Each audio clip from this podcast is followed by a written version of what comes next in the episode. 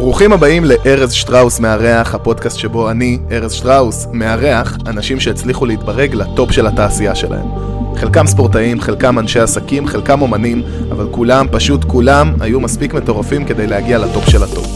אנחנו נדבר על איך זה קרה, מה זה דרש מהם בדרך, ומה הטיפים האישיים שלהם לתת איתם בראש. יאללה מתחילים! regardless, תום, אני חייב להגיד, רק, מ... רק על סמך ההיכרות הקצרה שיש לנו, תכף נרחיב עליה, אתה החבר הכי טוב שלי. אתה פשוט עוד לא יודע את זה. יש. עכשיו, אתה מצטרף לרשימה מאוד אקסקלוסיבית, שכוללת מישהי אחת שהייתי דלוק עליה כל החטיבת ביניים, וגם כמוך, היא פשוט עדיין לא ידעה את זה. אוקיי. ו... למה לא סיפרת? כי לקח לי הרבה זמן, היו לי אישיוז עם עצמי, ולקח לי זמן, ואז עזרתי אומץ, וזה לא הסתייע. אבל לקח לי כאילו שנתיים לעזור את האומץ. זה הטיפוס אישיותי טיפה אחר ממה שהמוצר שאתה רואה היום.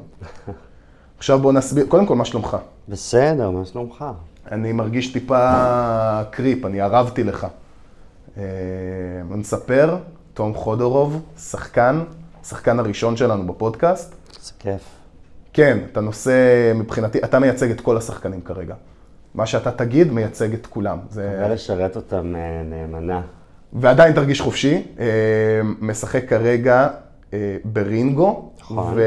ויש עוד משהו שכרגע רץ? אה, אני חלק מקבוצה שנקראת הקאמרי דור חדש, זו קבוצה של אה, בעצם אה, צעירים שפועלים במסגרת הקאמרי, והמטרה שלהם היא לעשות דברים קצת אחרים, להביא אולי קהל יותר צעיר, לעסוק בחומרים קצת יותר בועטים ורלוונטיים. במסגרת הקבוצה מנוהלת על ידי עמית אפטה, והיא מונה כרגע שמונה חברים, ובמסגרת הזאת התחלנו באמת עם רינגו, שזה המחזה הראשון שהעלינו. הוא חוגג בימים אלה 100 הצגות, שזה נורא נורא משמח וכיף.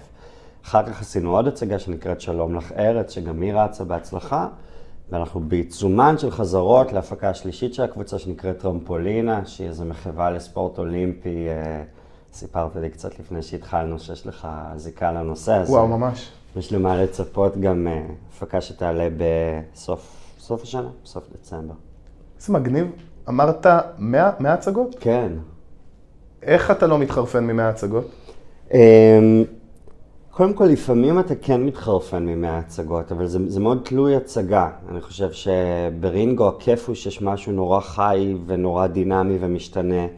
יש מין 95% שהם נורא נורא בילט אין וסט ולא משתנים אף פעם, ויש איזה מרכיב של 5% של אימפרוביזציה ושל גילוי.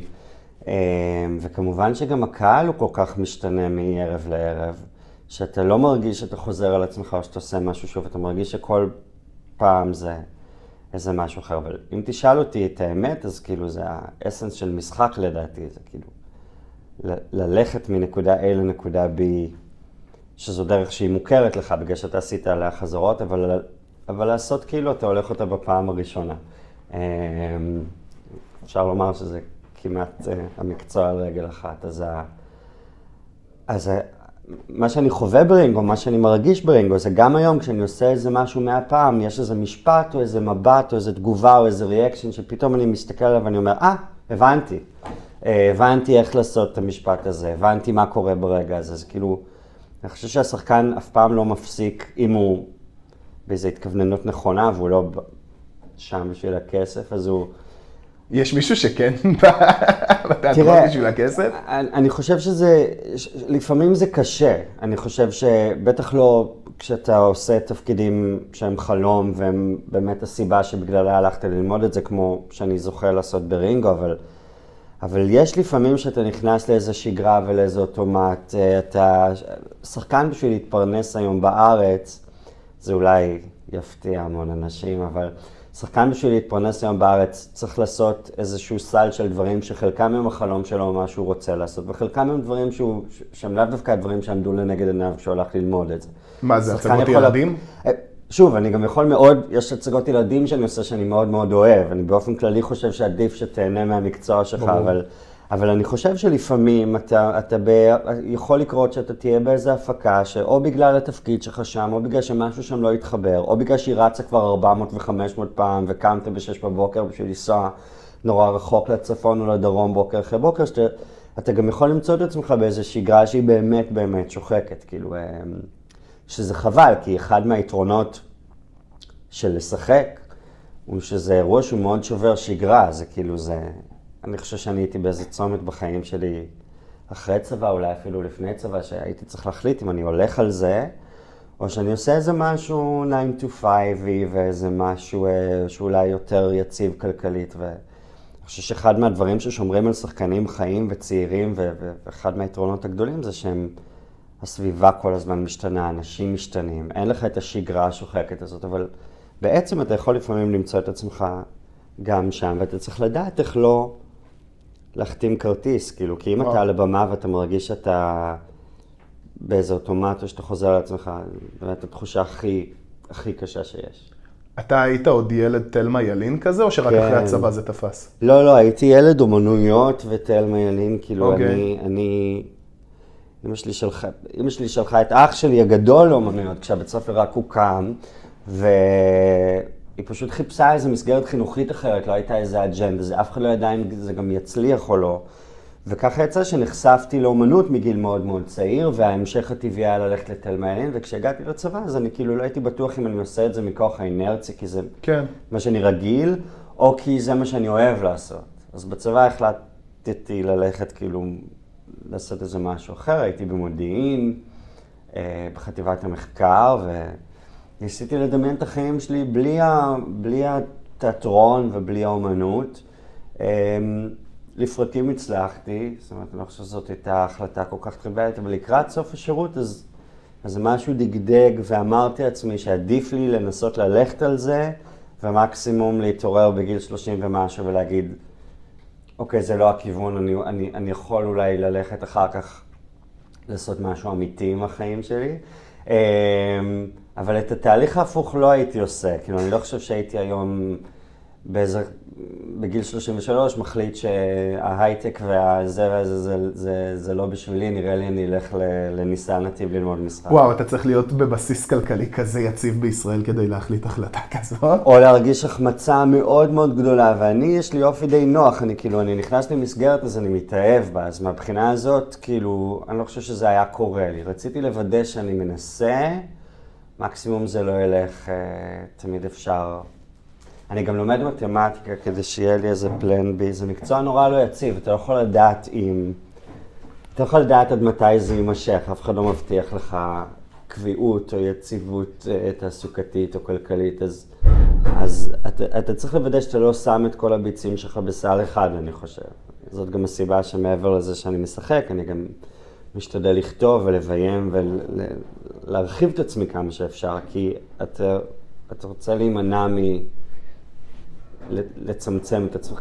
אתה כל מיני, אנחנו כל מיני דברים.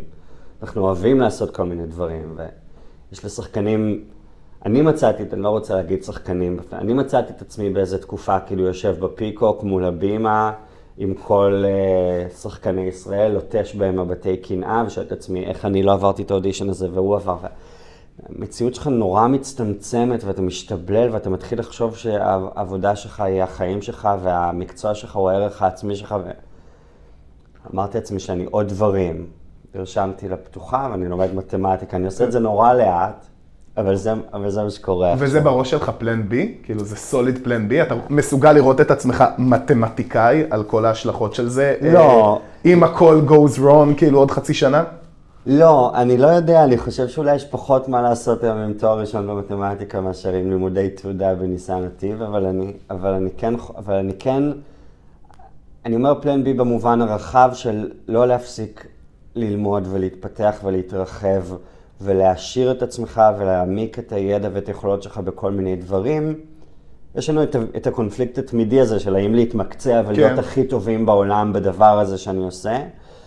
או to branch out וכאילו להיות די טובים או טובים בהמון דברים, אבל לא הכי טובים בשום דבר. יש את הקלישה, אני ממש לא זוכר מי אמר את זה, אבל יש לך כאילו את הקלישה של את לא צריכה להיות לך פלן בי, כי פלן בי משאירה סיכוי לזה שפלן A לא תעבוד. אבל אני אגיד לך מה העניין, כאילו, אני, בת, אני במקצוע שעד כמה שאני אשאף שהשליטה שלי בו תהיה מקסימלית, הוא לא תלוי בי. אה, העולם משתנה, העולם משתנה לכל מיני כיוונים. אה, אני לא בטוח שכישרון ועבודה קשה וחריצות זה הפרמטר היחיד ללקבל תפקידים, אני לא בטוח שאין למזל או לרשתות חברתיות או לאלף ואחד פקטורים שלא תלויים בי מרכיב מאוד חשוב בכמה אני אצליח. ו... לא יודע, טוב לו לאדם שיהיו לו, כאילו, אני יכול להתקלב עכשיו ולרעוב ולעשות כל מה שאני יכול בשביל, בשביל להצליח, אבל אף פעם לא התחברתי לתדמית של האומן המיוסר, כן. הרעב, העני, כאילו לא, לא הרגשתי שזה באמת מקום טוב ליצור בו, לא הרגשתי שצריך ליצור מתוך כאב, לא הרגשתי שצריך להיות מחובר לעצמך וצריך להרגיש וצריך הרבה דברים, אבל, אבל לא להתאבד, אולי זה פשוט אני, לא להתאבד על איזה משהו אחד. אמ, כרגע זה עובד לי, אני... תשמע, החסרונות אני חושב מאוד מאוד ברורים. מעניין אותי מה ברמה האישית לך כן קוסם. כאילו יש איזשהו... אני רוצה, תנסה אולי אפילו, אה, לחדד את זה לרמה של אה, מה הדבר שהכי מרג... כאילו זה הריגוש, זה הדופמין רגע לפני שאתה עולה לבמה, זו החשיבה של הפשוט נולדתי ככה וזה חייב להצליח כי במקום אחר, אני, אני חושב שזה לא המצב אצלך, כאילו, אתה לא תגיע אף פעם למקום שאתה אומר, אני לא יכול למצוא את עצמי במקומות אחרים. אה, לפחות על סמך הקצת שיח שהיה לנו, גם עכשיו, גם לפני ההקלטה. אז מעניין אותי כאילו למה דווקא לקפוץ ראש לתוך הבריכה הכי לא יציבה בעולם, כמו ש... יש פה צורך בתשומת לב, יש פה צורך במחיאות כפיים. כל שחקן שיגיד לך משהו אחר משקר לך. אני לא יודע פסיכולוגית מאיפה זה מגיע, אבל אני יודע שזה קיים, כאילו אין מה להתכחש לזה. אבל זה לא, זה, זה כיף חיים, נו. העבודה שלנו היא כיף חיים, כאילו... אנשים אומרים לי, וואי, זה, זה, זה מקצוע קשה. זה לא, זה, זה fun לא נורמלי. תחשוב שאתה יודע, ברמת ביטחון די גבוהה, שיש משפטים שאתה תגיד על הבמה, ו-300 איש בקהל פשוט יצחקו רגע אחרי שאתה תגיד אותם. כאילו, זה קצת לשחק בלהיות אלוהים באיזושהי סקאלה. כאילו, אתה, אתה מחזיק קהל שלהם בביצים, ואתה, ואתה, ואתה יכול להצחיק אותם ולשמח אותם ולרגש אותם. וזה תלוי במה שאתה תעשה, וזה, זה, זה, יש בזה ריגוש מאוד גדול, יש בזה איזה תחוש, איזו עוצמה מאוד גדולה. ולאנשים שהם לא אינטרוברטים ומצליחים לדמיין את עצמם עומדים על במה ועושים את זה, אני חושב שאין דבר יותר כיף מזה בחיים. כאילו... איזה קטע שכאילו לתסריטאי שאשכרה כתב את הפאנץ' שאתה מביא, אין את הקתרזיס שאתה חווה. יש לו. כן? תראה, בגלל ש... תראה, יש לו בגלל ש... אני, למזלי יצא לי אה, לכתוב כמה הצגות ילדים, אני עושה את זה עם, עם חן גרטי שמשחקת אגב את... את איך נדבר על זה? את זוגתי בהצגה, אבל בגלל שגם כתבתי ובגלל שגם ביימתי, אני יודע שיש פה לכל דבר את, את הסיפוק ואת הריגוש הספציפי שלו. גם כשאתה כותב בדיחות, כשהן נוחתות, יש בזה תחושת סיפוק נורא נורא גדולה, אבל אני חושב שהיא מן הסתם פחות מיידית ופחות בלתי אמצעית מ... מלעמוד על הבמה ולהרגיש את האנרגיה הזאת בינך לבין הקהל ולהרגיש את זה קורה בלייב, כאילו... אמ, איזה קטע שכאילו יש לך את כל היתרונות של פאנץ' טוב, בלי החסרונות של סטנדאפיסט. כאילו, כשאתה סטנדאפיסט אתה עולה על במה פתוחה, לא יודע, יש עשרה, עשרים, ארבעים איש בקהל, prove it, כאילו מהשנייה שאתה עולה, אמ, מצפים ממך לדבר. נכון. ופה אתה מספר איזה משהו, ואם לא צוחקים, אז החבר'ה לא מצפים. זה קצת כמו כששלמה ארצי עולה לבמה, ואז הוא אומר איזה משהו מצחיק, שבסטנדאפ לא היה נחשב אפילו פאנץ' קומי, אלא פשוט, אה, שלמה ארצי אמר את זה, יואו, כל קיסריה נשפכים. ולך יש כאילו, יש לך, יש לך את רוב היתרונות של שלמה ארצי, יש במקרה הזה. אמ, כן. אולי, אולי כמה דברים שלא יש שלי אין, אבל, אבל אתה צודק, כאילו, את, אה, אה, אין איזה ציפייה, או לא מסתכלים עליך ואומרים, תצחיק אותי, כאילו, זה לאו דווקא הדרישה משחקן. אני חושב ששחקן אמור, קודם כל, הוא, הוא, הוא, הוא, לא, הוא לא הדבר. אני, אני בסוף משרת איזה משהו שהוא גדול ממני, ואני בסוף חלק מאנסמבל של שחקנים, ואני בסוף חלק מחומר, ממחזה כתוב, קיים, שכבר עבדתי עליו, ש, ש, שבו אני... שבו אני דמות. אמ, מהבחינה הזאת זה קצת משחרר את הלחץ להיות האישו ו- ו- ו- ולהיות זה שכאילו מספק את הסחורה. אני, אני בורג במערכת הזאת, אני חלק מהדבר הזה ש- שיתנהל בלעדיי, לטוב ולרע. הבנתי. אפשר להחליף אותי מחר, כן? אני לא חושב, אתה יודע מה, אז בוא אני אסביר למה לדעתי אי אפשר להחליף אותך מחר, לפחות לא כל כך מהר. הכרנו כי אני הייתי בהצגה שלכם, הייתי ברינגו. אה, הלכתי לבדוק באתר של הקאמרי מה מותר להגיד שלא נחשב ספוילר יותר מדי רציני, כאילו כל מה there. אה, אז אנחנו מספרים על אה, דמות שלקראת אירוע מאוד מכונן בחיים שלה, קורה אירוע טרגי והזין שלה נופל. כן. נעלם, לא רק נופל, הוא נעלם, זה לא, בדיוק שברתי שן, לא היה את השן כאילו, לא היה מה, מה לחבר. לא היה מה להביא לרופא. לא היה מה להביא לרופא, אז הזין נעלם. נכון. אה, את הזין משחק אה, שחקן מדהים אחר, דור הררי. נכון מאוד. אה, ואתה משחק את הדמות הטרגית, שמלכתחילה, עצם הסיטואציה שהיא נמצאת בה, אה, בן אדם באירוע מאוד מכונן בחיים שלו, שלא רק נשבר לו הזין, נעלם לו הזין, היא מדהימה. לפני שנצלול רגע להצגה עצמה, וללמה אני חושב שאתה irreplaceable בתוכה, מי אישר אותה? זה בקאמרי. זה סיפור די מדהים בגלל שירון אד- אדלשטיין, שהוא המחזאי המבריק של, ה, של החומר הזה, אני חושב שעברו 10 או 12 שנה, אני לא זוכר את המספר המדויק, מאז הדראפט הראשון של המחזה הזה. ואני חושב שגם מהרגע שזה כבר היה איזו טיוטה די מתקדמת של המחזה, הוא ניסה אה, לגרום למישהו להפיק את זה, ואף אחד לא היה מוכן לקחת את ההימור, ואנשים חשבו, א', אולי שלא יגיבו טוב לזה שאומרים את המילה זין כל כך הרבה פעמים. אחי, איך קראת את התסריט בלי למות מצחוק? מתתי מצחוק. לכן לא הבנתי למה לא עשו את זה קודם. כאילו, אני זוכר אותי קורא את זה ואומר, אה, וואו, זה, זה מה שהיה חסר לי בתיאטרון הישראלי ולא ידעתי שהוא חסר לי. כאילו, ומבחינת הנסיבות המשמחות שהובילו לזה שסוף סוף לקחו את המחזה של לירון ו...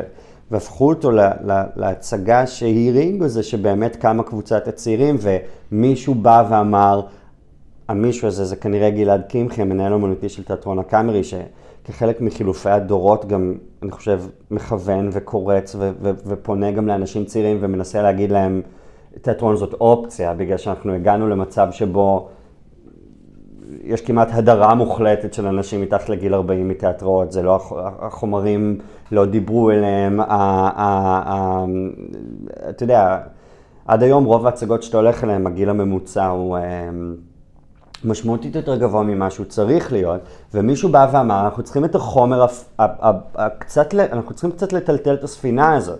ורינגו התלבש כמו כפפה ליד לאנסמבל הזה, לכוונה הזאת של גלעד לעשות משהו צעיר יותר, אלינו כקבוצה.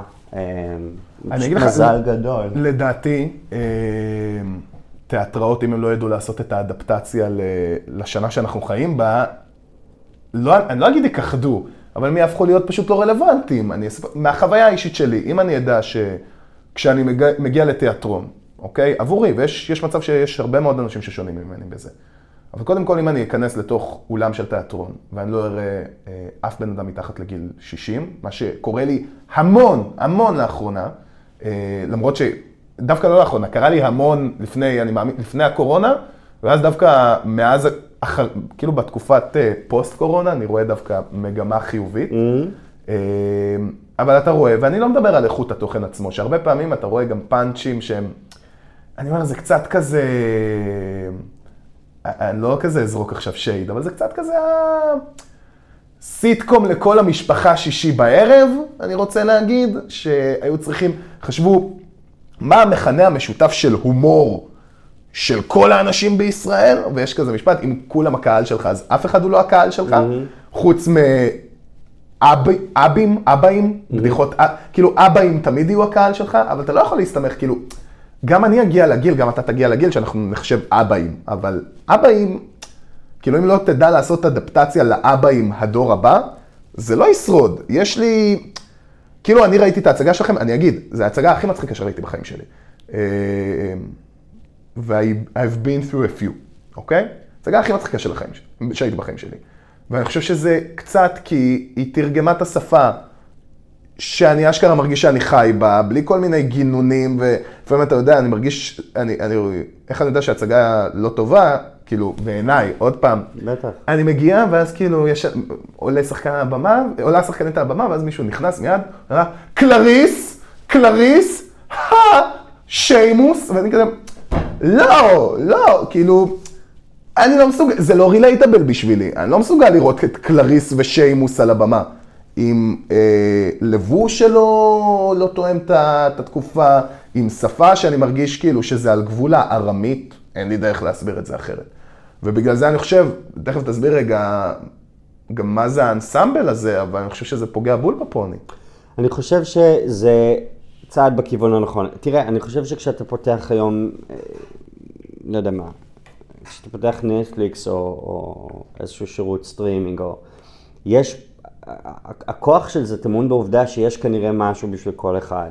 אז כאילו, בלי לשפוט ז'אנר כזה על פני ז'אנר אחר, או בלי להגדיר מה ההומור הנעלה ומה הפחות, אני חושב שהסוד הוא בתמהיל. אני חושב שתיאטרון גדול, רפרטוארי, צריך שיהיה לו בסל את הקומדיות לכל המשפחה, זה בסדר, זה אחלה, זה, יש, יש אנשים שזה מה שהם צריכים וזה מה שמצחיק אותם, וצריך שיהיה לו את הקלאסיקות. בעיבוד מודרני כזה או אחר, וצריך שיהיה לו את הדברים שפונים לקהל יותר צעיר ואת הדברים יותר עכשוויים, וצריך שיהיה לו את הדרמות, וצריך שיהיה לו איזה מחזמר או שניים, כדי שבאמת כל אחד יוכל למצוא את מה שהוא מחפש בתיאטרון. ואני מאוד מאוד שמח שהנישה הזאת נפתחה, אני גם חושב שבעקבותינו אה, יש עוד תיאטרות שעושים את המהלך הזה,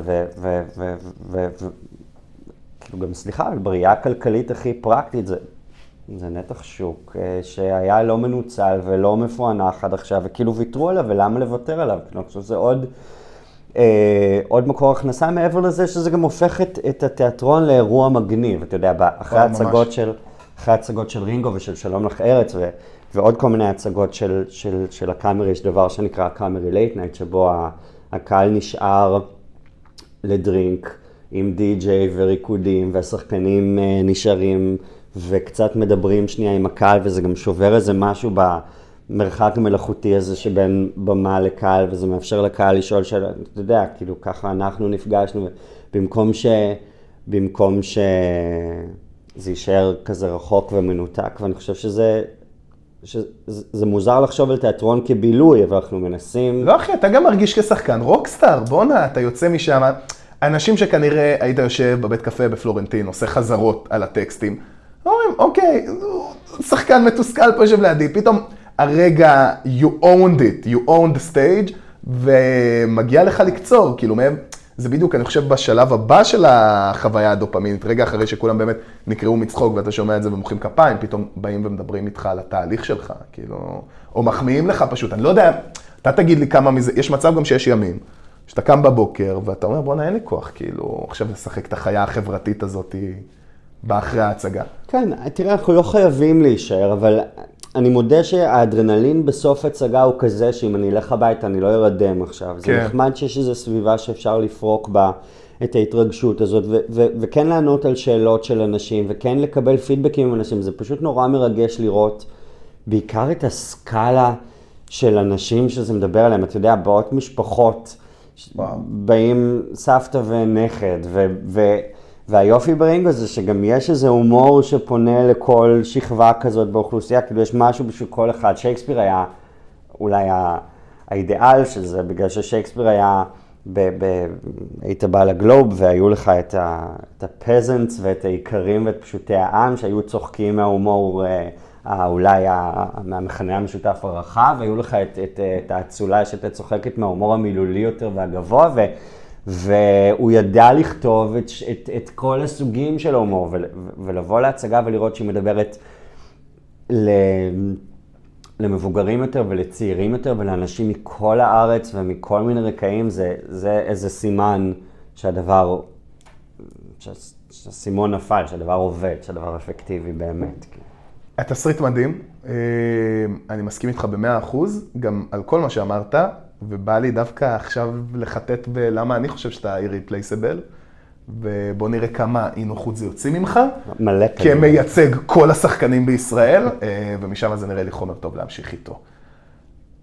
הדמות שלך לדעתי, מבחינת מרכיב אופי, אם אני צריך לתאר את זה למי שעוד לא ראה את ההצגה, וכמובן שיעשה את זה, היא קצת אה, שלדון קופרית ב- בהוויה שלה. Mm-hmm. אה, כאילו, אתה לא אינטרוברט, אבל יש לך כאילו קורקינס, אבל שהיא פוגעת בדיוק בכל המקומות הנכונים, היחס שלך שם לסמים בהצגה, אה, ולגבריות שלך, שכביכול זה, ה, זה המסע של הגיבור, שכביכול אתה קצת גם לומד לקחת בעלות על הגבריות שלך בתוך הדבר הזה, עוד פעם, אינטרפטציה שלי.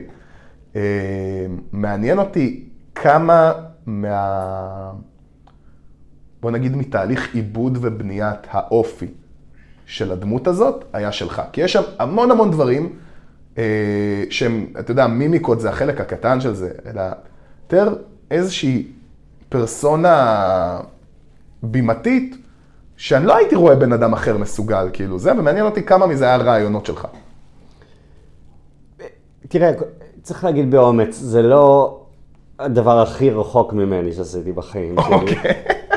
אני חושב שמבחינת, כאילו, אתה יודע, גם מן הסתם לוהקתי לתפקיד, אז, אז עמית הבמאי כנראה הרגיש ש, שמה... מההיצע הקיים, אני זה שכנראה הכי קרוב ברוחו, או הכי, הכי יכול לגלם את, את הדמות של דני, אה, שהוא באמת קצת חנון וקצת אנאלי וקצת, יש בו משהו, אה, אה, לא, לא, הוא לא עד הסוף מחובר ליצר שלו ולרגש שלו, ואני אני מכיר את העולמות האלה, אבל, אבל, ועוד אמירה שאני רוצה להגיד זה שאני אף פעם לא מתייחס לדמויות כאילו הם משהו שהוא חיצוני ממני. כאילו, okay. אוקיי. אני תמיד תמיד, אף פעם לא שוכח שאני זה שעומד על הבמה, תום. אני תום במצב של דני, אני תום בנסיבות של דני, אבל... אתה חושב שכדי שזה יצליח, אתה חייב למצוא את הקשר האישי שלך לתוך הסיטואציה?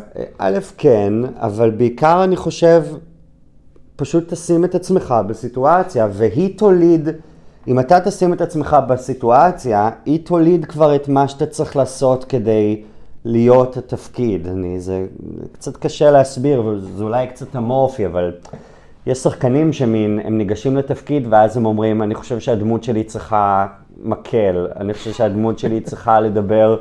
אה, צריכה מבטא כזה או צריכה קול כזה, אני אף פעם לא האמנתי בזה, אני כאילו תמיד האמנתי שהדמות תגיע פשוט מתוך זה שאני באומץ ארשה לעצמי לשים את עצמי בנסיבות שלה. וזה גם מה שייתן לזה, ישווה לזה איזה אמינות או איזה, איזה רילייטביליטי, בגלל שאנשים לא ירגישו שהם רואים עכשיו משהו שהוא, הם לא ירגישו את המרחק בין השחקן לבין, ה, לבין הדמות, הם ירגישו שאדם מדבר אליהם.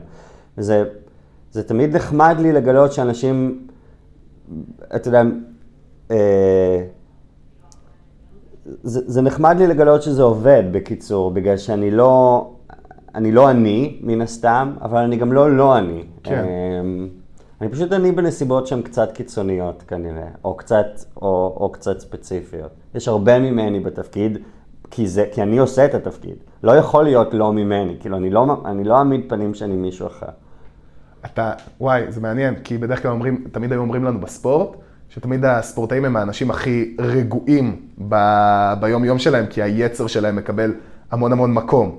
ומעניין אותי אם כאילו אתה, אתה אקסטרה, הדמות שלך היא מאוד מאוד אקסטרה.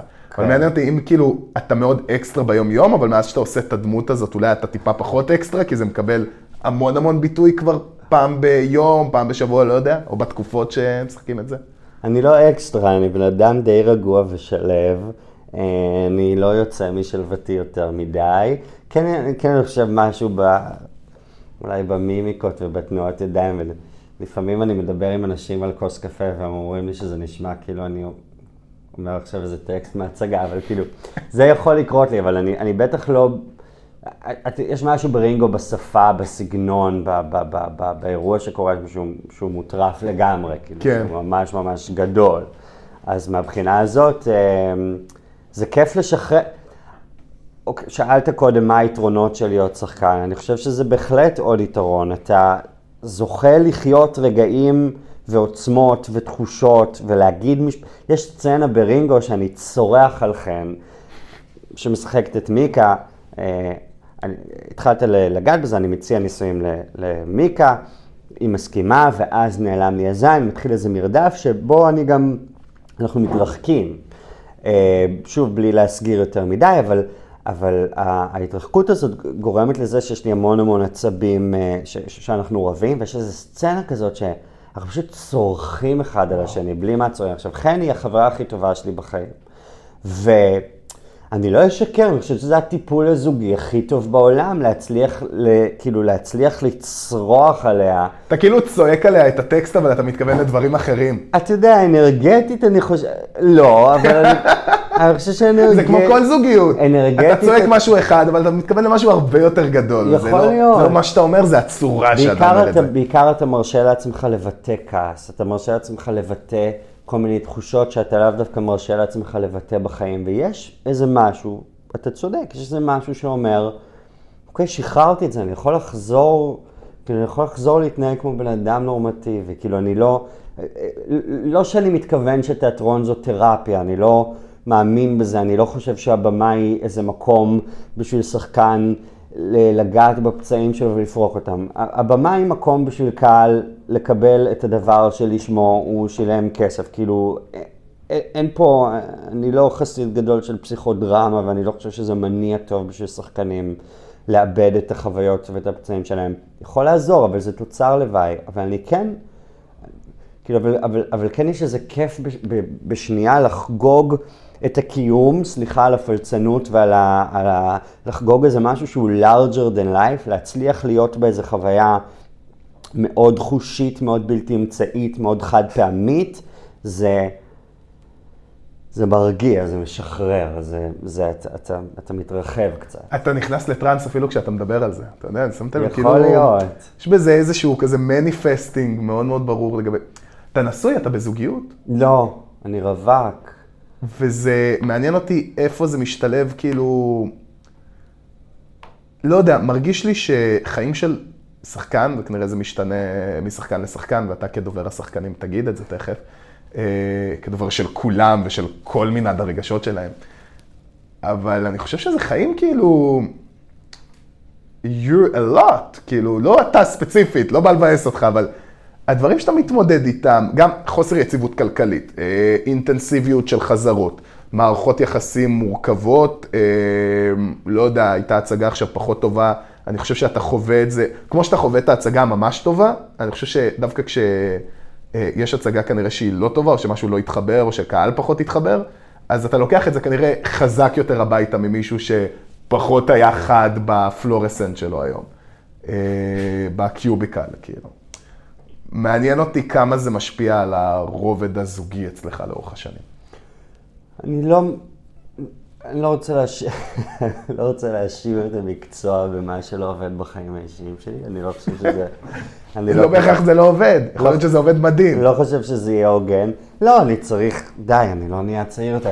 אבל, אמ, אבל, אבל אני כן חושב שדרושה יכולת הכלה מסוימת והבנה מסוימת לאתגרים הספציפיים של הדבר. אמ, כי גם השגרה היא מאוד שונה, אה, אנחנו אנשים שעובדים בערבים וחלק מהבקרים שלנו פנויים ו... וכן אנחנו אלות, אני משתדל לא להיות אלות, שוב, אני, אני פה גם, אם אני מייצג את כל השחקנים, כן. אז גם בא לי לנער חלק מהקלישאות והסטיגמות, כאילו שחקנים הם המון המון סוגים של אנשים ו... ואני חושב שהדימוי הזה שיש לאנשים של, של, של הקפריזיות וה, והאישיות הנורא המוחצנת וזה, כאילו, אני לא חושב ש... לא חושב שאני שם, אני מכיר הרבה אנשים שהם לא שם, אני לא חושב שזה חייב להיות ככה. ואני גם משתדל כשיש לי הצגה פחות טובה לשחרר את זה, למרות שאתה צודק. יש... במקצוע הזה, you're only as good as the last thing you, you do, ולפעמים, כאילו, ולפעמים... למרות שבדיחה תעבוד לי תשע פעמים, בפעם ההיא שהיא לא תעבוד לי, אני אגיד, טוב, אתה פשוט השחקן הכי גרוע בעולם. זה, זה גם לא, זאת גם עובדה שכזה נורא... ואתה תרגיש שזו אמת. זו עובדה שנורא קשה לערער עליה באותו רגע, כאילו, זה, זה פשוט המציאות, כדאי שאני אלך הביתה, כי, כי שחקן לא יצא ממני, כאילו... וואו. ו, וזה קשה, למרות שזה גם... אתה יודע, יש משהו ששומר עליך on your toes. אני חושב שכשאתה מגיע לאיזה מנוחה ונחלה בחיים המקצועיים שלך, יכול להיות שאתה מפסיק לחקור ומפסיק לחפש ו- ומפסיק לנסות לשכלל את עצמך, וחבל, כאילו יש משהו במשחק, בגלל שכל פעם יש הצגה חדשה ואתגר חדש, וכל יום יש קהל חדש. להוכיח את עצמך מולו כאילו זאת הפעם הראשונה שאתה על במה, זה שומר עליך פרש, וזה שומר עליך עם איזה צורך להוכיח, ואני מתייחס לזה כאיזה יתרון, או כאיזה משהו שנו, ש, ש, ש, שלצד החסרונות בו יש בו גם איזה כיף. אמ, והזוגיות תגיע. אה, אתה גר פה בעיר? אני חושב שלא, לא, אני אשמח אם לא מהמקצוע, אבל היא תגיע. אמ, אני גר פה בעיר, מאוד קשה לגור מחוץ לתל אביב. אני חושב, האודישנים שלי הם פה, העבודה שלי פה, התיאטרון פה, היציאה להצגות היא פה. אפשר לגור בגבעתיים או בזה, אבל לא, לא הרבה מעבר לזה. כמה אתה תופס את החיים, אפרופו הקלישאות המוכרות, כמה אתה מרגיש ביום-יום שאתה הבוהמיין תל אביבי שיושב בבתי קפה ולוטה שיניים על אה, דיאלוגים של אנשים אחרים כדי להבין איך להפוך להיות שחקן טוב יותר? אה, אני לא לוטה שיניים. אני, שוב, אני לא מנסה לחקות אנשים אחרים, כי אני מאמין שיש בי את כל הדמויות שאני אצטרך לגלם, אבל... אבל אני, אבל אני בוהמיאני ואני יושב בבתי קפה. אני אה, גם מתקשה לשפוט את זה. אתה יודע, בתי קפה זה פשוט... בתי קפה במשמעות של שיחה עם אנשים, כן. כאילו עם חברים שלי, עם אנשים, זה, זה המפגשים האהובים עליי, זה נורא נורא כיף. אמ, אתה יודע, זה אחלה. אני מעדיף את זה על להסתובב בקניון או ל... לא, אני פשוט חושב שכאילו גם, כנראה המעגל החברתי שלך זה שחקנים. אני חושב שיש איזה משהו מאוד משחרר בהתעסקות הזאת, שכשחקן אתה כל הזמן בשיחות על החיים והמשמעות, ועכשיו אני מנסה להביא את עצמי להרגיש יותר ככה, או להיות יותר ככה. זה, בוא, אנחנו יכולים לצחוק על זה, זה תענוג מאוד גדול. נכון. רוב האנשים מתעסקים בזוטות ביום-יום שלהם. אה, נכון, יש בזה יתרון וחיסרון. אתה יכול לפעמים לאבד את הפרופורציה קצת, אתה קצת יכול להרגיש לפעמים כאילו אתה יותר חשוב ממה שאתה. אני כל הזמן מנסה להזכיר לי שבסוף אנחנו לא מנתחי מוח, בסדר? יש איזה ויכוח נורא נורא גדול עכשיו על uh, כוכבי הריאליטי שהם, okay. אוקיי. um, שמתחילים לתפוס. Um, גם משפיענים בתוכניות, כן, אוקיי. אני אומר, אני אגיד דבר והיפוכו, כאילו, אני אגיד אה, שאני כמובן נגד התופעה, ואני כמובן חושב ש, שמשחק זה מקצוע. רגע, רק נגיד למי ש... כי הבנו אחד את השני מאוד מהר, התופעה היא אנש... פרצופים מאוד מוכרים, שכנראה יובילו להרבה מאוד תשומת לב, קשב, כרטיסים, כסף, you name it, בין אם זה תיאטרון, טלוויזיה וכולי, מלוהקים. על חשבון כביכול אנשים שעשו את הדרך המסורתית, אה, בית צבי, ניסן נתיב, שנים דרך חתחתים וכולי, נכון? נכון. זה לא דרך החתחתים שמעניינת אותי כמו ש... ואני לא רוצה להמעיט בכבודו ובכישרונו של אף אדם, אבל אני כן חושב שכאמירה, בטח של תיאטרות שהם נתמכים והם ציבוריים, יש איזו חשיבות בלהגיד, אה, משחק זה מקצוע שצריך ללמוד אותו ושאפשר להשתכלל בו וש, וש, ושצריך להגיע בו לאיזה רמה טכנית מסוימת כדי להצליח לעמוד על במות גדולות ולהחזיק תפקיד. אמ, וחבל לי שהתופעה הזאת הולכת ומתרחבת, בגלל שאם זה היה מקרה יחידני פה ושם, אז גם היית יכול להגיד, טוב, הוא ממש מוכשר, היא באמת ראויה, לא חייבים ללמוד משחק, יש דוגמאות ספורדיות אמנם של אנשים שלא למדו משחק והם שחקנים מאוד טובים ומצליחים. לצד זה אני גם מזכיר לעצמי שאנחנו לא מנתחי מוח, כאילו זה לא, אה, אה, בסופו של דבר זה פחות קריטי מאם אני אכנס לחדר הניתוחים וינתח אותי מישהו שלא למד רפואה. לא, אני גם אשאל אותך שאלה די קשה. אה, כמה זה 1 חלקי 8, 16 אחוז? אני לא זוכר. אתה, אתה לומד מתמטיקה בפתוחה, אתה תענה על זה תכף, או שלא. אם תיאורטית, אחד מהאנשים באנסמבל, אה, אוקיי, דור נניח עשה טלוויזיה, בסדר, אבל זה עדיין לא, זה לא ה scale שאנחנו מדברים עליו. אה, אבל אם אחד מהשמינייה היה עכשיו דמות public figure שעשתה ריאליטי, או אה, ממש פופולרית בטיקטוק. והייתי יודע שדרך זה אתה תהיה אה, שלאגר, כאילו רינגו תפס, סבבה, אה, ההצגה הבאה, כמובן אני מאחל לה שהיא תתפוס מדהים, אבל יכול להיות שפחות. לא היית מוכן לשלם במרכאות את המחיר האומנותי שאחד מהשמינייה טיפה יזייף, אולי אפילו גם ירוויח יותר ממך, אבל אתה תדע שהרבה יותר קהל מובא דרך זה לתיאטרון, או שאתה אפילו ברמה האגואיסטית מקבל יותר חשיפה דרך זה? תראה, זו שאלה טובה, אני לא... אני משתדל לא להתעסק בזה יותר מדי, בגלל שאני אני כל הזמן מזכיר לעצמי, דווקא ברגעים שבהם הספקות והחששות מתגנבים פנימה, שאני אף פעם לא הלכתי לעשות את זה כי אני רוצ... כי רציתי להתפרסם. כן. אני חושב שאנחנו לא מכירים את העורכי דין הכי טובים בתחומם בהכרח, אנחנו לא מכירים את הרופאים הכי טובים בתחומם. אני חושב שעולם הרפואה מכיר את הרופאים הכי טובים בתחומם. ומבחינתי הסיפוק הכי גדול הוא להיות הכי טוב שאני יכול ולנסות להיות הכי טוב בתחומי ולקוות שהתעשייה שבה אני מתנהל ועובד תכיר את זה, אבל אני חושב שאם אתה הולך לשחק כדי להתפרסם או כדי שהחשיפה או כדי הקמפיינים או, או בשביל הכסף, אז אתה כנראה במקצוע הלא נכון, בגלל שא' הסיכוי אובייקטיבית שזה יקרה כן. לך הוא קטן, וב' כי... אתה יודע, כי הצלחה תבוא ותלך, והעבודה הקשה והקשרים שאתה עושה בתוך העולם הזה, והטכניקה שאתה בונה, ו... אני, אני לא פה בשביל להיות איזה דמות ציבורית. אני... אני מדבר הפוך, אתה יודע, יש, אה, יש תעשייה אחרת, אני לא מכיר עוד, אני מכיר תעשייה אחת שמאוד סובלת מזה, זה בדרך כלל הכדורסל והכדורגל הישראלי. Mm-hmm. כדורסל במיוחד. בכדורסל יש חוק שנקרא חוק הזרים. שאומר שבכל רגע נתון ניתן, וזה משתנה משנה לשנה, כל פעם הם מוצאים תקנה אחרת, בכל רגע נתון מותר שבסגל של קבוצה יהיו איקס זרים, mm-hmm. ו-X אה, זרים על המגרש. כאילו יש חמישייה על הפרקט, וכאילו לא רוצים להגיע למצב שתהיה חמישייה של זרים. וזה מגיע מהמקום של כביכול מגיע זר אה, טוב יותר, נניח, והוא... לא יודע, הוא גם גר עכשיו באיזה מדינה אה, נחשלת באפריקה, אז גם, אולי הוא רוצה את אותו סכום ואפילו פחות, ואז הוא תופס מקום של שחקן, אה, של שחקן ישראלי. Mm-hmm. מה שהם עשו שם זה איזונים. ברור לי שזו הגזמה, ש... כי אין לך איך למדוד את זה ב... אה, לא, אבל... בתיאטרון, אבל אני כאילו בא ואומר לך, אני לא הייתי נהנה, כמו שאני נהנה היום לראות כדורסל, לא הייתי נהנה מלראות כדורסל כנראה של חמישה ישראלים, כי ישראלים לא יודעים להטביע. כי ישראלים, ישראלים לרוב, לרוב, עוד פעם, אני אסייג, יש, לא יודע, עשרה שחקנים בישראל שיודעים להטביע לסל. וכשאני מגיע ואני אוהב את הקבוצה שלי, אני רוצה שהקבוצה שלי תהיה הכי טובה, פחות אכפת לי אם הם נימולים או לא, נגיד את זה ככה. מה שאתה אומר זה שאתה רוצה לראות כדורסל טוב. אני רוצה לקבל מוצר אטרקטיבי. הכדורסל הטוב יגיע כשהשחקנים על המגרש יהיו פשוט טובים במה שהם עושים. ולא מעניין אותך באותו רגע אם השחקן הזה הוא יותר big, או שהחוזה שלו יותר גדול, או שבעברו, לא יודע מה, הוא עשה פעם, whatever. בסוף, אם השחקן לא מספק את הסחורה, הוא יושב על הספסל בגלל שהוא לא קולע נקודות. הלוואי וה... הלוואי והמריטוקרטיה הזאת כן. הייתה, הייתה תופסת גם בעולמות שלנו, שבהם היו שופטים אנשים על בסיס הכישורים והיכולות שלהם. אני מקבל את העובדה שהעולם זז למקום שבו זה לא ככה. אנחנו גם אומרים שזה, אמרנו, האדפטציה לעולם החדש. יש, אה, אתה יודע, אולי ילדה בת 18 שמגיעה פעם ראשונה לקאמרי כי אמא שלה לקחה אותה, פחות אה, מפיקה הנאה מהדיאלוג, כמו שהיא רואה, וזה, אה, מצביעה, אני רואה, אני מכירה אותה, אני מכירה את הפנים שלה.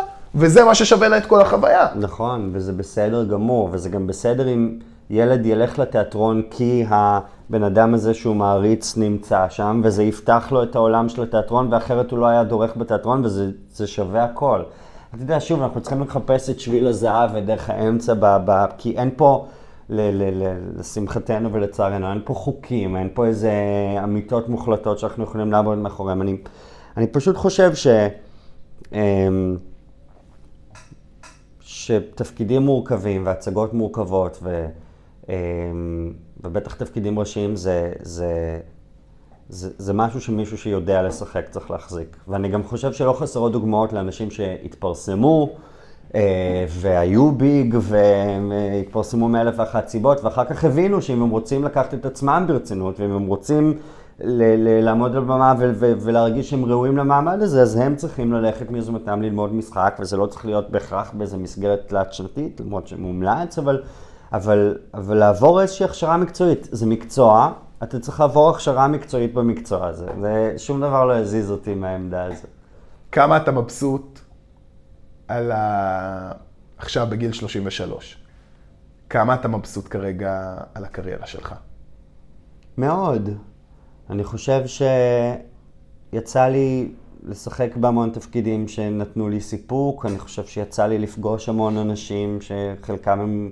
חבריי הטובים ביותר, יצא לי להתנסות בכתיבה ובימוי ו, ומשחק, ואני מקווה בעתיד גם אולי לנהל משהו. אמ, אני יושב היום גם בוועד המנהל של שח"ם ומנסה לעזור עד כמה שאני יכול לקולגות שלי לקדם את מעמד השחקן. שתי, אני, אני לא חושב שישבתי יותר משבועיים בבית בלי שיהיה לי איזשהו פרויקט לעשות, וזה יכול להיות פרינג' או ילדים או כל מיני סוגים, אבל אף פעם לא הייתי צריך לחכות יותר מדי לעבודה, ומהבחינה הזאת אני מרגיש נורא נורא בר מזל, בגלל שיש לי הרבה חברים ואנשים סביבי שאולי המקצוע לא האיר להם פנים כל כך, אז, אז, אתה, אז אתה צריך להיות שמח בחלקך, אתה יודע, אתה יכול, וזה נכון לגבי כל שחקן, אתה יכול להסתכל למעלה אל עבר האנשים שכאילו, את החיים שלהם אתה רוצה, את הקריירה שלהם אתה רוצה, אבל בסוף אתה גם מסתכל עליהם ואתה אומר, היי, משהו לא, אתם לא נראים לי מאושרים כמו שאתם צריכים להיות, וזה בגלל שהם מסתכלים למעלה על אלה שמעליהם ושואלים את עצמם למה אני לא שם. אני עובד נורא נורא חזק על להיות שמח בחלקי, אני חושב שזה מפתח מאוד גדול לאושר. אושר זה כאילו כשהציפיות שלך מהמציאות והמציאות הם יחסית קרובים אחד לשני, זה לאו דווקא פונקציה של... לפעמים יש יחס הפוך בין הצלחה לאושר. לפעמים ככל שאתה יותר תצליח במקצוע ותכבוש יותר פסגות, המרחק בינך לבין האושר אה, ילך ויגדל. זה אבסורדי, אבל זה קורה. אז אני עובד נורא נורא חזק על לשמוח בחלקי, ואני... מעניין, כי יש, יש אנשים שכאילו, וואי, אני הולך להרוס עכשיו פאנץ' של דייב שאפל, וואו, זה פאנץ' ממש טוב. אה, הוא אומר, אני, אני מצליח בחיים, אני יכולתי להיות מצליח יותר, אבל אני כאילו מצליח יותר מהממוצע. אומר, אם החיים, אם, אם החיים שלי היו אנלוגיה, אני הייתי אה, בריכה חיצונית. כאילו, אה, אני, זה עדיין בריכה, אני בבריכה, אני במים, לרוב האנשים אין בריכה, אבל אני לא בבריכת אינפיניטי, כאילו, במיקונוס, ב... אה, זה חי כאילו בטופ 1%. ולדעתי, ה... כאילו יש פה איזה ניגוד, מה שאתה אומר, הצלחה, עושר, אני מאוד מבין את זה, שכביכול עצם להיות במרדף תמידי גורע מהאושר שלך. אבל מצד שני, אני גם אבוא ואגיד שכל מה שאתה הגעת אליו היום, הוא לא נולד מזה שהרגשת בנוח במקום שלך. כאילו, כנראה שהדרך שאתה עשית בעשור האחרון כדי לקבל תפקיד ראשי אה, בהצגות בקאמרי, הוא מאוד מאוד גדול ודרש הרבה התמודדות גם יומיומית, לא פשוטה. לא אמרת לעצמך שלפני עשור אה, אני שמח. אין, בעיניי, אין מצב שלא הטריד אותך קצת, לא הטרידה אותך ההצלחה המקצועית בשנים האחרונות, עד לרמה שזה גם לך להיות אפילו באי נוחות. חד משמעית, העניין הוא איך אתה מגדיר הצלחה מקצועית. אני חושב שהמשפחה שה, שלי לפעמים בלילות סדר ובארוחות ראש השנה, היא אולי, לא המשפחה הגרעינית, אבל אולי, אולי מבחוץ, המשפחה הרחבה יותר, מגדירה הצלחה מקצועית כ... אמ, לככב בסדרת טלוויזיה ולהיות איזה פרצוף שאתה הולך כן. ברחוב וכולם מזהים אותך. ואותי כשאנשים מזהים אותי מרינגו, כשאנשים מזהים אותי בגלל שהם ראו אותי על הבמה והם זוכרים אותי וואו, משם. וואו, זה ביג. זה ביג ממש. וזה, וזה מתחיל לקרות יותר ויותר, בטח בתל אביב, אתה יודע, 100 הצגות כפול 300 איש, זה כבר איזה כמות יפה של אנשים שראו את ההצגה הזאת, ו, זה אושר מבחינתי הרבה יותר גדול משהפרצוף שלי יהיה מרוח על איזה שלט באלון ואנשים יגידו, אה, זה ההוא מזה. זה, ההגדרה שלי להצלחה מקצועית היא להיות כל ערב על במה. אני רוצה להיות כל ערב על במה, אני רוצה שתהיה לי עבודה. זה פחות דחוף לי או משנה לי או מעניין אותי כמה אנשים ידעו ששיחקתי בזה ובזה ובזה, וכמה אנשים ירצו את החתימה שלי או להצטלם איתי ברחוב. כי הבן אדם האחד שרוצה להצטלם איתי ברחוב בגלל שהוא אהב את העבודה שלי באמת, לא כי אני מפורסם, איכשהו מרגיש לי כאילו זה ניצחון אמיתי, כאילו. אני, האמת, שכנעת, שכנעת אותי לבוא לכיוון שלך טיפה יותר, אני, אני, אני מבין את זה. כאילו... שוב, בגלל שהצלחה זה מושג כל כך חמקמק, וזה גם יכול ללכת כמו שזה בא, ו- וגם כי לא משנה כמה אתה מצליח, אתה תמיד יהיה מישהו שיצליח יותר ממך ופחות ממך, אז אתה צריך להגדיר לעצמך, כנראה שהצלחה בעולם המשחק היום זה לשחק. זה שתהיה לי עבודה, שאני אצליח להתפרנס ממנה, זה עוד איזה עניין חשוב. יש משהו שכן מטריד אותך היום? המון דברים, המציאות הפוליטית, תהיה יותר ספציפי. לא, אני, אני, תראה, שוב, אתה, אתה תמיד צריך להיות on your toes, אתה תמיד צריך לחשוב על הפרויקט הבא, אתה תמיד צריך לחשוב לאן אני הולך, אתה תמיד צריך קצת להמציא את עצמך מחדש. אני חושב על מה המחזה הבא שכן ואני נכתוב, ואני חושב על מה הדבר הבא שבא לי לביים בבית ספר למשחק, ואני חושב על מה התפקיד הבא שהייתי רוצה לעשות, ואני חושב על איך, איך לעשות את החזרה של מחר על טרמפולינה הכי טוב שיש. אמ, ואני כל הזמן מחפש לשכלל ולהתפתח ולהתקדם, העבודה לא נגמרת, אבל לדעתי כמו שהיא לא נגמרת לאנשים שאוהבים את העבודה שלהם, לא משנה מה הם עושים, כאילו, אמ, ו... ואני מנסה להתרכז בעבודה כמה שאני יכול, לא בכל, המסב... בכל הרעש מסביב. מה שמטריד אותי זה ש... אמ, מה שמטריד אותי זה חוסר היציבות, עם כל כמה שאני שמח שיש לי 20 הצגות בחודש היום, שאני מתפרנס מהמקצוע, אני יודע שיכול מאוד להיות שעוד שנתיים שלוש זאת לא תהיה המציאות. צריך להכין את עצמי, אני צריך למזער את הסיכוי שזה מה שיקרה, ואני צריך להכין את עצמי לתרחיש שבו זה בכל זאת. רגע, ובנקודה שאתה נמצא בה, אתה כבר כאילו, אתה נמצא במקום שאתה יכול לחסוך לתקופה לא טובה, איך זה עובד עם... כאילו, אני מנסה להבין שחקן מצליח בישראל, אבל שלא עושה טלוויזיה, שחקן תיאטרון, מצליח לקלקל את עצמו לרמה שהוא אומר, אם יהיו כמה חודשים רעים עכשיו, אני סבבה לגמרי? אם הוא מתנהל נכון פיננסית, אני חושב שכן. אוקיי. Okay. אבל אני, אני מודה שאני מתפרנס רק מתיאטרון, אבל אני לא מתפרנס רק ממשחק בתיאטרון, אני מתפרנס גם מתמלוגים על דברים שכתבתי ומדברים שאני מביים ומכל מיני פרויקטים נוספים, אז, אז השכבה שמסוגלת להתפרנס רק מתיאטרון באחוזים זה די יבהיל, אני, אני לא רוצה סתם לזרוק מספרים, אבל אני חושב שהמון המון שחקנים נדרשים גם לעשות דברים ש, שהם לא המקצוע שלהם, אמ, אבל, אה, אבל, ונוסף על כך, שחקנים זה לאו דווקא עם שמצטיין במיוחד ב... לדבר עם רואי חשבון ולהבין כמה פנסיה צריכים להפריש, ולמזלי אח שלי הוא הוא כתב כלכלי בחדשות, אז הוא, אז הוא גם יודע לייעץ לי במובנים האלה, אבל, אבל אמ, שחקנים יכולים להתפרנס מהמקצוע שלהם. צריך, צריך לעבוד מאוד מאוד קשה בשביל זה, אבל בסוף זה אפשרי. וואו. כן. אה, אה, אפשר גם לחסוך קצת, אני חושב. תשמע, אני מאוד מאוד נהניתי מהשיחה הזאת. גם אני. אה, תן לשחקן לדבר על עצמו שעה, כאילו.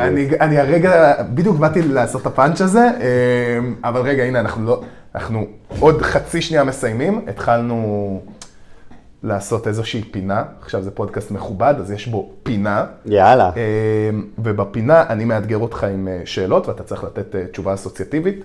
במקרה שלך, כמובן מייצגת את כל השחקנים בישראל. כמובן. סבבה? הצגה אהובה בישראל שאתה לא משחק בה. מותו של סוכן. איפה? בקאמרי. יאיר אוקיי. שרמן ביים, פשוט הצגה מדהימה. שלוש שעות, עובר כמו עשרים דקות. ההצגה שהכי נהנית לשחק בה בקריירה. כנראה שרינגו, נהניתי גם מבית בובות שעשיתי באוניברסיטת תל אביב פעם, ומהצגת פרינט שנקראת מה שלא הורג, שירדה בחודש שעבר ונורא נורא חבל. חיכיתי שתשלים את המשפט, מה שלא הורג, וחיכיתי ואמרתי, אה, אה, אבל זה הסוף, אבל זה הסוף. סליחה לכל ההצגות שלא אמרתי את השם שלהם עכשיו. סרט אהוב עליך. וואו, אני גרוע בסרטים. אה, מה אני אגיד? רקבים לחלום. למה אמרתי את זה? לא יודע. אסוציאציה, נכון. מושלם. השחקנית שאתה הכי אוהב בישראל.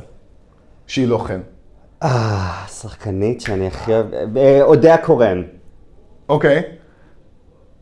הבית קפה שאתה שואל בו הכי הרבה השראה. השראה. השראה, וואו, היינו בוהמיאנים פתאום. למולן, זה ליד הבית שלי, זה בית קפה מושלם. הבית קפה שאני יושב בו הכי הרבה זה נחמה וחצי, כי השירות שם לא טוב, אז אני יכול להיות עם הלפטופ שלוש שעות ואף אחד לא יגיד לי כלום, כי הם עוד לא הביאו לי את הקפה הראשון. מעניין, אני חושב שכל התסריטאים בישראל פיצחו בדיוק את מה שאתה אמרת הרגע. זה המקום המושלם לכתוב בו, זה המקום המושלם ללמוד בו מתמטיקה, זה המקום המושלם. פשוט אתה יכול לשבת, אתה יכול לגור שם, אף אחד לא ישים לב. דבר, דבר, אני מכיר כמה אנשים שגרים שם ועושים את זה כרגע. אמ, הדבר שאתה הכי אוהב לעשות שלא קשור במקצוע שלך. אמ, אני פריק של טניס, אני אוהב לראות טניס, פעם גם שיחקתי, שח, צרפתית, אמ, מתמטיקה כנראה, אה, סקס. שלם, תכונה הכי טובה שלך. וואי, הרמתי לך להנחתה, סקס, וואי, שלם. פרופורציות, אני חושב, יש לי תחושה די חזקה של פרופורציות. החלום הכי גדול שלך מקצועי והחלום הכי גדול שלך לא מקצועי. אז אני הייתי שמח שתהיה לי הצגה כל ערב עד שאני אחליט שאני לא רוצה לשחק יותר, זה החלום המקצועי שלי. אמ, והחלום האישי שלי, אה, נראה לי הגיע הזמן. אה, זוגיות יציבה, ארוכה, מספקת, מנחמת, טובה, גדולה. תום חודורוב, תודה רבה ארז, רבה, היה לי אחי. ממש. כיף. יאללה. ממש ממש.